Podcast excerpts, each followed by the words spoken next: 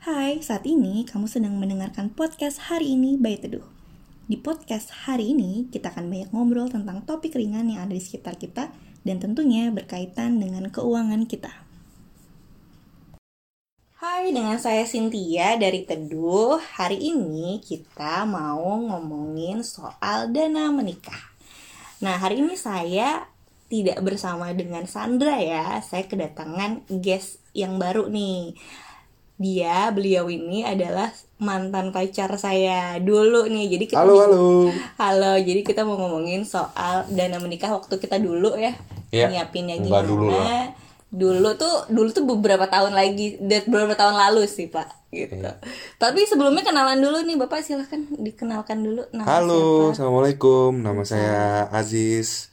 Um, sekarang ya masih riset di hmm. TUE dan juga merangkap jadi data scientistnya Teduh. Hmm, jadi memang kerjaannya double double, gajinya double nggak pak? Enggak. Belum ya. ya jadi hari ini buat teman-teman yang sudah dilamar nih, udah mau mendekati atau paling nggak udah dapet yang serius udah lah. yang serius lah, pokoknya udah mau bener-bener yakin nih dia yang terakhir nah udah kemudian mau melanjutkan ke pernikahan sebenarnya ketika kita ngomong ke pernikahan kan sebenarnya nggak akan jauh-jauh dari duit ya dari uang yeah. lah ya yeah. berarti kita mesti menyiapkan dananya nah sebenarnya yang ideal nih apa ya e, kalau ngomongin soal dana dana menikah itu kira kira-kira butuh berapa lama sih untuk sampai ke dana tersebut gitu Ya, mungkin untuk bicara tentang persiapan dana menikah kita harus ngomongin dulu ya tentang ekspektasi. Jadi uh, sebelum langsung menentukan besaran angka, mm -hmm. kita ngobrol dulu nih sama keluarga. Mm -hmm. Jadi datang ke mertua gitu bawa martabak mm -hmm. sebelum melamar juga. Pengalaman ya pak? Iya. Telurnya empat. Telurnya empat ya enak. Jadi kan uh, coba dulu um, karena yang namanya pernikahan itu bukan cuma menyatukan dua insan tapi menyatukan dua keluarga jadi um, ngobrol baik-baik sama orang tua sendiri orang tua keluarga orang tua uh, pacar ya? sama oh. pacarnya juga kira-kira ekspektasinya seperti apa uh, mau pernikahan. Ini udah udah di okein ya Pak ya sama Iya, ceritanya ya, udah oke. Okay. Ceritanya udah oke. Okay. Martabaknya ya? martabaknya manjur lah. Diterima ya martabaknya terus. manjur. Udah diterima terus. Iya, jadi ya ceri- uh, ngobrol dikit lah sama hmm. orang tua. Hmm. Orang tua pacar juga uh, mau nikahnya kayak apa gitu. Gitu kira-kira mau nikah yang ya cukup sederhana aja, nggak usah banyak-banyak orang yang diundang. Nah, itu kan karena juga kan nanti berpengaruh terhadap biaya ya biaya. Pak? Hmm. Nah, biaya ini kan yang juga jadi pokok pembahasan utama karena kita hmm. juga kalau udah mau nikah ini kan nggak jauh-jauh lah masa um, mau apa namanya uh, udah siap untuk menikah sekarang terus pernikahannya masih 10 tahun lagi kan nggak gitu. Hmm, biasanya waktunya sangat mepet ya. Nah, itu dia. Betul. Kalau kita sendiri kira-kira waktu itu butuh waktu itu sekitar 2 tahun ya?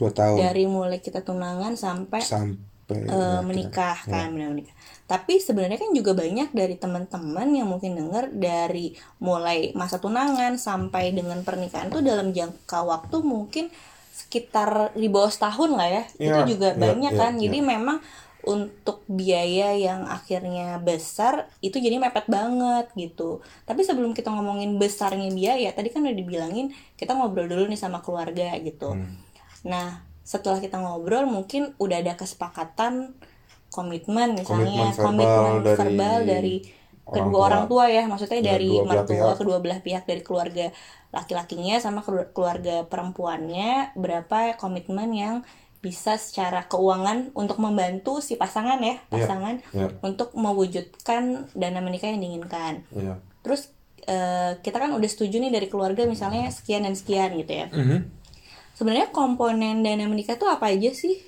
Ya jadi uh, ini juga yang jadi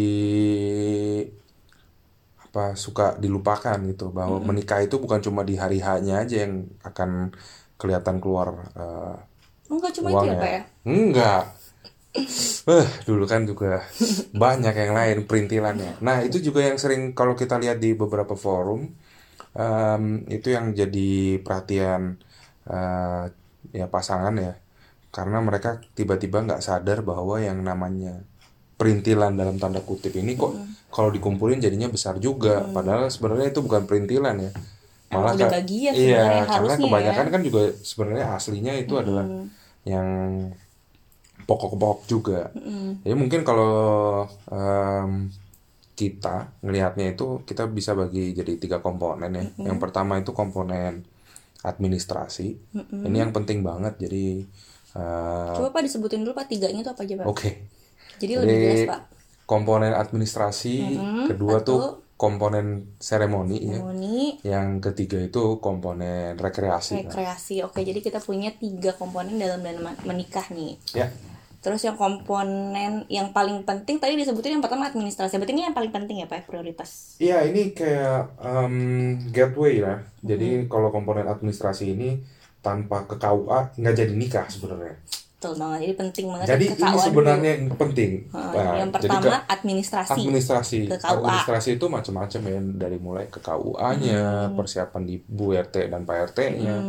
Lalu yang jangan lupa di, eh, jangan dilupakan adalah sebenarnya tes kesehatan kan, kesehatan betul. pasangan. Itu sebenarnya prasyarat sih. Ya, Salah satu prasyarat buat yang kayak ke KUA-nya itu. Kalau saya sih sebenarnya sangat strongly advice untuk ambil tes kesehatan yang serius ya. Jadi bukan cuma uh, dicap aja atau distempel aja. Karena kan kita juga ke depannya butuh assurance buat buat berkeluarga. Jadi administrasi ini penting dan administrasi ini yang menjadi syarat awal untuk bisa masuk ke um, seremoni dan rekreasi sebenarnya. Jadi ini bukan perintilan. Jadi ini utama justru ya. Terus habis itu yang kedua Pak. Yang kedua Seremoni, nih tadi yang kan? seremoni ya. Mm-mm. Nah seremoni ini kenapa kita bicaranya seremoni? Karena seremoni ini bukan cuma pas resepsi aja, Hmm, bukan sama pas ijab kabulnya bukan juga cuma ya. pas ijab kabulnya aja. Jadi kalau seremoni ini kan berarti kan eh, lebih dekat dengan hubungan kebudayaan ya. Jadi eh, zaman dulu kita itu masih ada ya apa namanya kemarin pas nikah sebelum nikah itu masih ada pengajian, masih ada Acara adat lah ya. acara adat, Kayak midodaren kalau di Jawa tuh ada Ya. midodareni, terus ya Siraman itu juga nggak Siraman, iya siraman tuh bagian dari mido itu Oh iya, ya kita gitu enggak lah, dulu ya. Kita memilih untuk tidak. Oke. Jadi kan kan orang-orang beda gitu. Ya kembali ke yang pertama Kembali ya, ke ekspektasinya Ekspektasi keluarga, gimana gitu. dan ya. Seberapa penuh itu si pesta adat akan diselenggarakan Nah, gitu kan. ya makanya eh, itu juga yang jadi em, dasar kita berpijak di awal kita bicara tentang eh, ekspektasi keluarga di awal dengan kedua belah eh, pihak gitu. Jadi keluarga pacar, pasangan atau dan keluarga kita sendiri. Terus Pak, Oke, tadi seremoni yang seremoni lain, lalu juga seremoni resepsi. Nah, seremoni resepsi ini juga nanti bisa ki- kita bagi-bagi lagi berapa komponen gitu. Nah, komponen yang paling besar itu biasanya adalah komponen catering kan, komponen catering dan komponen gedung. Ini yang berkaitan dengan resepsi di hari H ya. Nah, kembali resepsi itu berkaitan dengan ekspektasi, jadi ya pandai-pandailah bicara sama um, sama Iko. keluarga sama IO juga. Oke, catering, terus gedung, lalu apalagi sih sebenarnya? Kayak dokumentasi tuh Dokumentasi sekarang dokumentasi mahal kan juga mahal ya. banget itu dokumentasi tuh yang videografer, Dekorasi. dekorasi gitu kan. Kalau bisa sih em, dibuat ini ya, dibuat eh, per komponen. Jadi kita jelas komponennya masing-masing itu berapa persentase eh, mixnya. Jadi dari resepsi itu apakah kita misalnya lihat nih Pak, misalnya 50 juta misalnya ya, misalnya Hmm. 50 juta tuh buat sebuah resepsi dari ijab kabul sampai resepsi lah dari jadi yang pagi sama lanjut resepsinya Ya. itu kira-kira berarti kita bagi ya misal buat catering Ya, misalnya ya, itu- 70% catering biasanya kan yang Ya, paling mahal ya. catering ya 70% catering terus 20%, 20% misalnya untuk dokumentasi gedung dan ya, mua terus eh, baju gitu lah ya, ya gitu. baju. Jadi kalau bisa agak lebih granular dalam artian misalnya kita nggak cuma bagi dari eh, resepsi itu cuma catering terus gedung uh, dan dekorasi, tapi semakin granular uh, dan kita bisa apa namanya uh, punya overview yang bagus tuh lebih bagus gitu. Jadi contohnya misalnya tadi yang disebutkan sama Mbak Cynthia adalah em, gedungnya, uh, dekorasinya, make upnya, uh, videografinya, terus dekorasinya, terus cateringnya. Nah, itu jadi bisa kelihatan nih porsi-porsinya eh, kemakan di mana sih? Misalnya kemakan tadi dibilang 70% di catering kah? Berarti cateringnya harus enak gitu. Misalnya kambing gulingnya lebih banyak gitu. Hmm, ada juga orang yang mungkin utamanya di dekor, Pak. Nah. Tapi dekornya mewah, jadi berarti mungkin komponen terbesar di dekor Ya gitu. bisa juga. Nah, kembali lagi itu kita selalu uh, refer back mana? ke yang pertama. Dari sisi ekspektasi keluarga tuh Ekspektasi seperti keluarga apa? dan eh, berdua juga ya. Iya, dan apa. berdua juga. Mm-mm. Nah. terus, terus habis itu Yang, yang ketiga itu adalah Ketiga, aspek rekreasi. rekreasi. Apa tuh yang masuk dari aspek rekreasi? Nah, aspek rekreasi ini bisa macam-macam ya, tergantung orangnya dan tergantung budgetnya. Jadi, aspek rekreasi yang paling sering kita dengar adalah kan honeymoonnya. Mm-mm. Nah, honeymoon ini kan bisa macam-macam, honeymoon di dalam negeri atau di luar negeri, atau sekarang yang lagi terkenal di Jakarta itu adalah staycation ya. Terus staycation tuh juga bagian dari honeymoon. Bisa aja staycation jadi honeymoon kalau orangnya lagi mepet banget kan kerjaannya, cuma punya berapa hari. Waktunya sempit lah ya buat Iya. ngambil uh, Keluar-keluar, libur susah nah. gitu ya. Jadi mending Ya, staycation. nggak Boleh apa-apa gitu loh. Kembali Juga lagi. Nah, kembali lagi kan bicaranya tentang ekspektasi lagi. Terus selain rekreasi di honeymoon ada juga tentang yang lagi ngetren itu apa namanya prewedding ya, acara-acara prewedding. Be that uh, foto prewedding atau apa sih? Bridal shower. bridal shower atau yang lainnya. Itu juga acara rekreasi. Nah di sini kita bisa lihat nih ada tiga komponen ini, tiga komponen besar ini. Kan kita bisa uh, assign priority-nya. Ada priority yang pertama tentunya yang di administrasi, karena kalau nggak ke KUA nggak nikah, Mm, nggak jadi dong. nggak jadi. Yang kedua berarti tadi kan seremoni, Nah, seremoni itu juga bisa di dibagi lagi dibagi ya lagi mana yang lebih penting gitu. Iya. dan menurut pasangannya mana yang penting. Kayak kita contohnya kita memang sama-sama dari Jawa dan sebenarnya kan adat dari pernikahan Jawa juga banyak ya. Mhm. Terus kita memilih untuk sesedikit mungkin mengambil Iya. pesta adatnya. Jadi yang penting pokoknya diijab kabul sama resepsi gitu. Nah, jadi ya. kita bisa ngakalin situ juga ya. Makanya tergantung dari ekspektasi tadi. Kita Ya. balik lagi ke ekspektasi orang tua ekspektasi eh, pasangannya juga sampai sejauh mana kita mau menerapkan atau mengimplementasikan si pe- pesta adat gitu Ya, ya. Jadi kema- kembali em, apa pun yang nanti jadi dasar prioritas itu adalah ekspektasi lagi. Nah, ekspektasi itu kan ekspektasi keluarga ya, ekspektasi eh, mertua, calon mertua dan ekspektasi orang tua sendiri. Tapi kembali yang harus diingat keputusan itu tetap di eh, Tangan pasangan, calon pasangannya. pasangan. Hmm, jadi didiskusikan kembali berdua. Jadi kita mendengar dari keluarga maunya seperti apa, terus kita juga yang memfilter maunya seperti apa. Habis itu nanti dikomunikasikan secara baik lah intinya.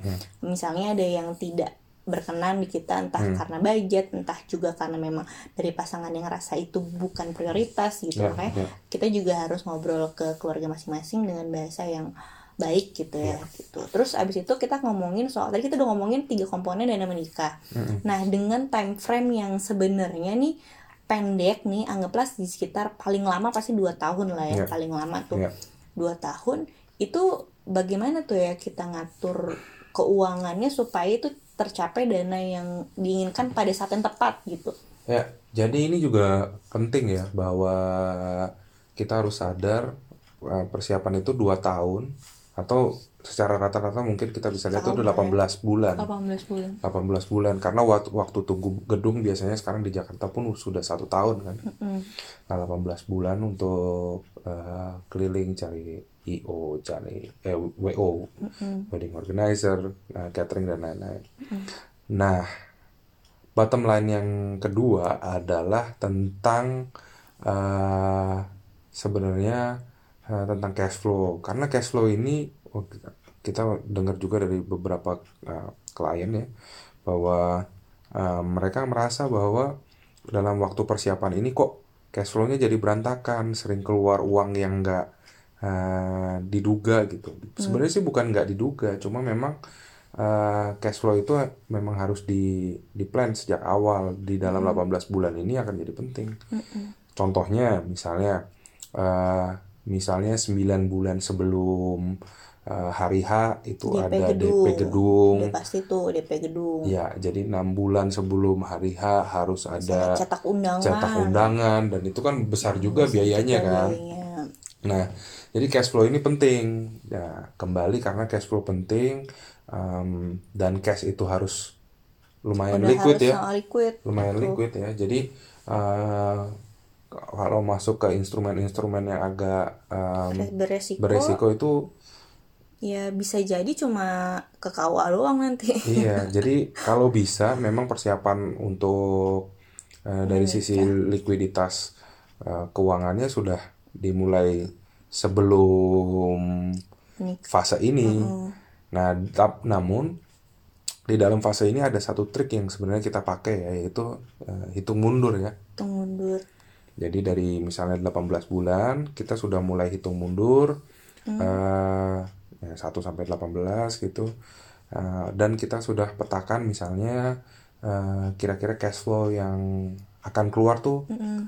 seperti apa. Jadi misalnya em, 6 bulan sebelum hari H harus bayar apa. Hmm, bayar catering ya jadi udah udah Exactly. kelihatan tuh eh, misalnya udah mau prewedding udah biaya prewedding misalnya udah udah dianggarkan berarti kan udah ketahuan pasti kan namanya foto prewedding dilakukan sebelum menikah kan Iya. ya berarti misalnya kita udah targetin sekitar empat bulan sebelum menikah ya berarti kan duitnya juga keluarnya pas di situ kan Iya, betul. jadi ya kita hitung mundur kapan kita harus bayar misalnya DP gedung, pelunasan gedungnya kapan, pelunasan cateringnya Cateringnya kapan, kapan. DP cateringnya kapan. Jadi benar-benar udah harus ada tuh Ada cash flow-nya. cash flow yang memang harus keluar di tanggal-tanggal itu. Iya. Terus juga juga mungkin seandainya ada komitmen dari keluarga Ya, untuk ya, berpartisipasi itu penting. dalam dana menikah kita gitu. Nah, itu keluar dananya tuh kapan gitu. Iya.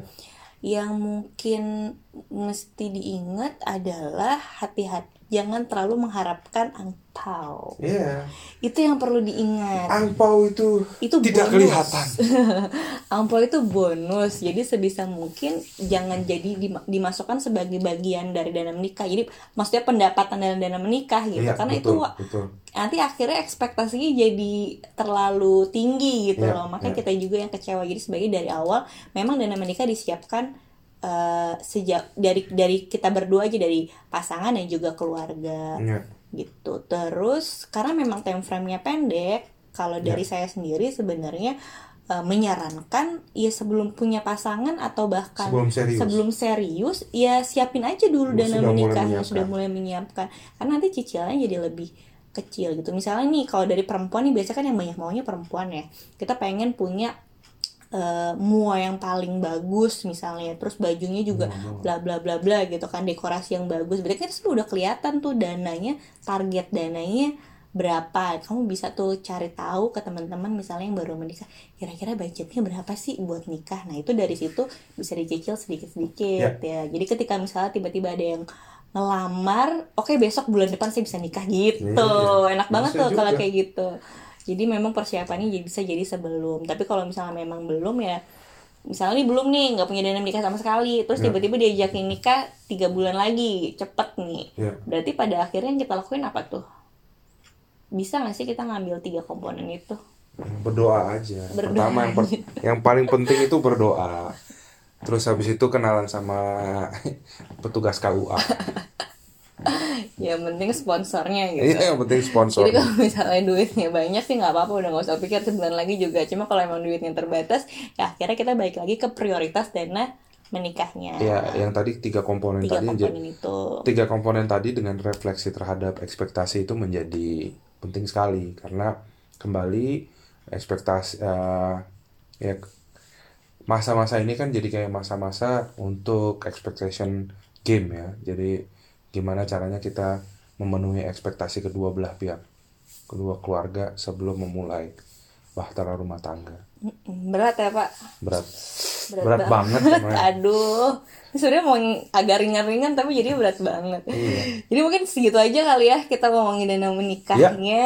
Eh, jadi yang paling penting juga oh tambahan mungkin ya jadi memang dipastikan peran dari pasangan berapa misalnya berkontribusi bisanya berapa dari kitanya juga berapa keluarga berapa itu peran masing-masing untuk dana menikah. Jadi segitu aja. Terima kasih udah mendengarkan kita. Terima kasih. podcast yang paling lama dari sebelum-sebelumnya.